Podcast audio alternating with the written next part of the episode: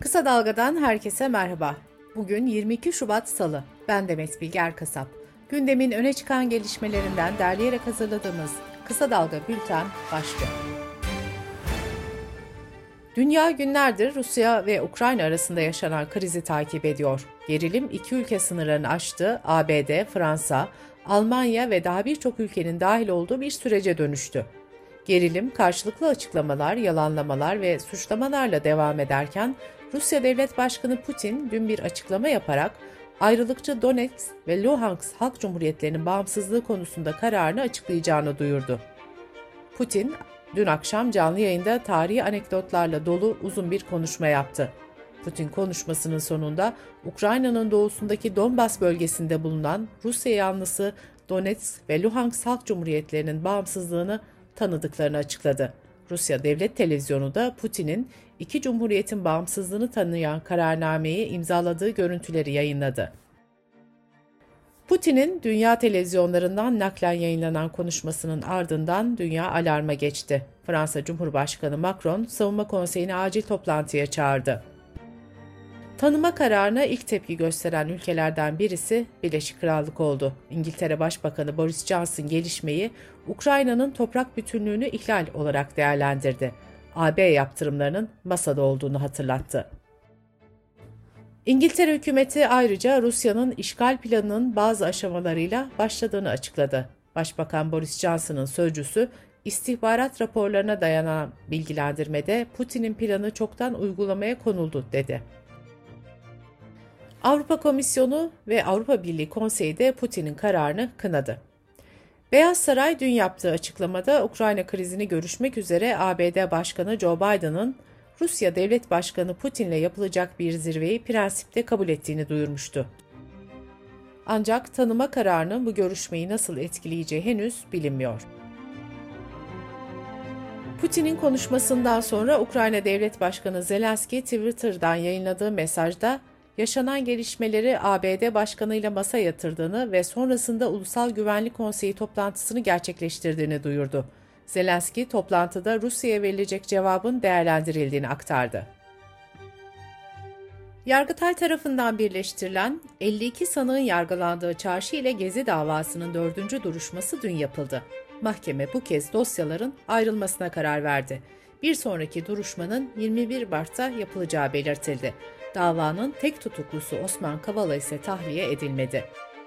Duruşmayı izleyen Avrupa Birliği'nin yasama organı Avrupa Parlamentosu'nun Türkiye raportörü Nacho Sanchez Amor ise birleştirilen davaların tekrar ayrılmasını yargı süreciyle alay etmek olarak nitelendirdi. Amor, bütün bu oyunlar gerçeği saklamayacak Avrupa İnsan Hakları Mahkemesi kararlarına uyulmalı dedi. Avrupa İnsan Hakları Mahkemesi yaklaşık iki yıl önce Kavala'nın serbest bırakılması yönünde karar almış ve Kavala'nın tutukluluğunu siyasi olarak nitelemişti.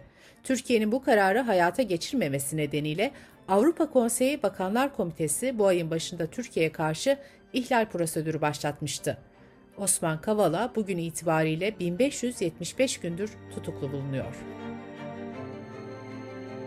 Eski HDP eş genel başkanı Selahattin Demirtaş'a 2015 yılındaki açıklamasında Cumhurbaşkanı Erdoğan'a hakaret ettiği iddiasıyla açılan davada verilen 3,5 yıl hapis cezası onandı. Bir üye hakim yetersiz kovuşturma ve eksik gerekçe itirazıyla karara şerh koydu. CHP Genel Başkanı Kemal Kılıçdaroğlu Cumhurbaşkanlığı adaylığı konusunda açıklamalarda bulundu. CHP lideri şunları söyledi. Cumhurbaşkanı adayının devlet deneyiminin olmasını, devleti tanımasını arzu ediyoruz. Tarafsız olması gerektiğini söylüyoruz. Asıl yetkinin başbakanda olmasından Cumhurbaşkanının yetkilerinin büyük ölçüde kısıtlanması gerektiğinden yanayız. Kılıçdaroğlu güçlendirilmiş parlamenter sistem için birlikte çalıştıkları 5 genel başkanın kendisine önermesi halinde Cumhurbaşkanı adayı olabileceğini de belirtti. Bu arada 28 Şubat döneminde Batı Çalışma Grubu tarafından fişlendiği ortaya çıkan Kılıçdaroğlu açtığı davayı kazandı. Kılıçdaroğlu'na 50 bin lira tazminat ödenecek. Altı Muhalefet Partisi 28 Şubat'ta yapacakları güçlendirilmiş parlamenter sistemle ilgili ortak açıklama için davetiyeler hazırladı. Partilerin isimleri alfabetik olarak sıralandı. Törene 300 meslek örgütü, vakıf, dernek ve gazeteci çağrıldı. Büyük Birlik Partisi Genel Başkanı Mustafa Destici'nin seçim barajının %7'ye düşürülmesiyle ilgili bu haliyle kalırsa teklife oy vermem çıkışına AKP'den yanıt geldi. AKP Genel Başkan Yardımcısı Hayati Yazıcı şöyle dedi. Baraj meselesini kastediyor. Onlar barajın daha da düşürülmesini, %3 olmasını hatta baraj olmamasını savunuyor. Bu mümkün değil. 2009 yılında açılan ve beraatle sonuçlanan Poyrazköy soruşturma ve davalarının FETÖ kumpası olduğu iddiasıyla yürütülen soruşturma 8 yıl sonra tamamlandı. Hazırlanan iddianamede 68 eski polisin 15 yıl ila 1375 yıl arasında değişen oranlarda hapiste cezalandırılması istendi. İddianamede Poyrazköy soruşturması sırasında intihar eden Yarbay Ali Tatar'ın ağabeyi Ahmet Tatar, ve Profesör Doktor Türkan Saylan'ın oğulları Çağlayan ve Çınar Örge de şikayetçiler arasında yer aldı. Genelkurmay Başkanlığı ise iddianamede suç duyurusunda bulunan olarak ifade edildi.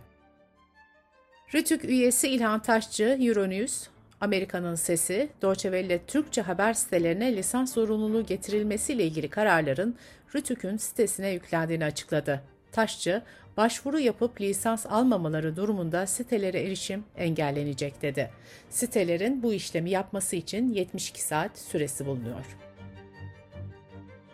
Resmi gazetede yayımlanan kararla Profesör Doktor Hasan Mandal yeniden TÜBİTAK başkanlığına atandı. Boğaziçi Üniversitesi Rektörü Naci İnci de TÜBİTAK Yönetim Kurulu üyesi olarak atandı.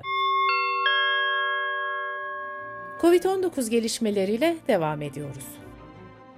Sağlık Bakanı Fahrettin Koca 5-11 Şubat tarihleri arasında illere göre vaka sayılarını açıkladı.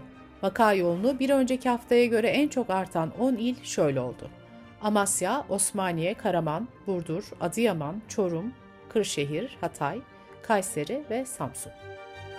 Sağlık Bakanlığı Bilim Kurulu üyesi Profesör Doktor Mustafa Necmi İlhan, koronavirüs salgınında İstanbul'da vaka sayısının düşmeye başladığını belirterek Anadolu'da da aşağı doğru gidişin olabileceğini düşünüyorum. Vefat sayılarının da giderek düşmesini bekliyorum, dedi. Tarım ve Orman Bakanı Bekir Pakdemirli, COVID-19 testinin pozitif çıktığını ve hastalığı rahat geçirdiğini duyurdu. Sırada ekonomi haberleri var. Depo, liman, tersane ve deniz işçileri sendikası Migros'un Esenyurt'taki deposunda eylem yapan işçiler için taşeron firmayla yaptıkları görüşmelerin olumlu sonuçlandığını açıkladı. Haluk Levent de sosyal medya hesabından yaptığı paylaşımda şöyle dedi. 9 gündür hem sendika hem taşeron firmayla görüşmem sürüyordu. Son görüşmeyi Ahbap Derneği'nde yaptık. 8 saat sürdü ve tüm sorunlar çözüldü. KESK eş genel başkanı Mehmet Bozgeyik, elektrik, doğalgaz ve akaryakıta yapılan zamların geri alınması, özelleştirmelerin iptal edilmesi talebiyle bu hafta boyunca ülke genelinde eylem ve etkinlikler düzenleyeceklerini açıkladı. Bozgeyik şöyle dedi. Sadece iş yerlerinde değil, kent meydanlarında da basın açıklamaları, yürüyüşler, oturma eylemleri, fatura yakma eylemleri düzenleyeceğiz.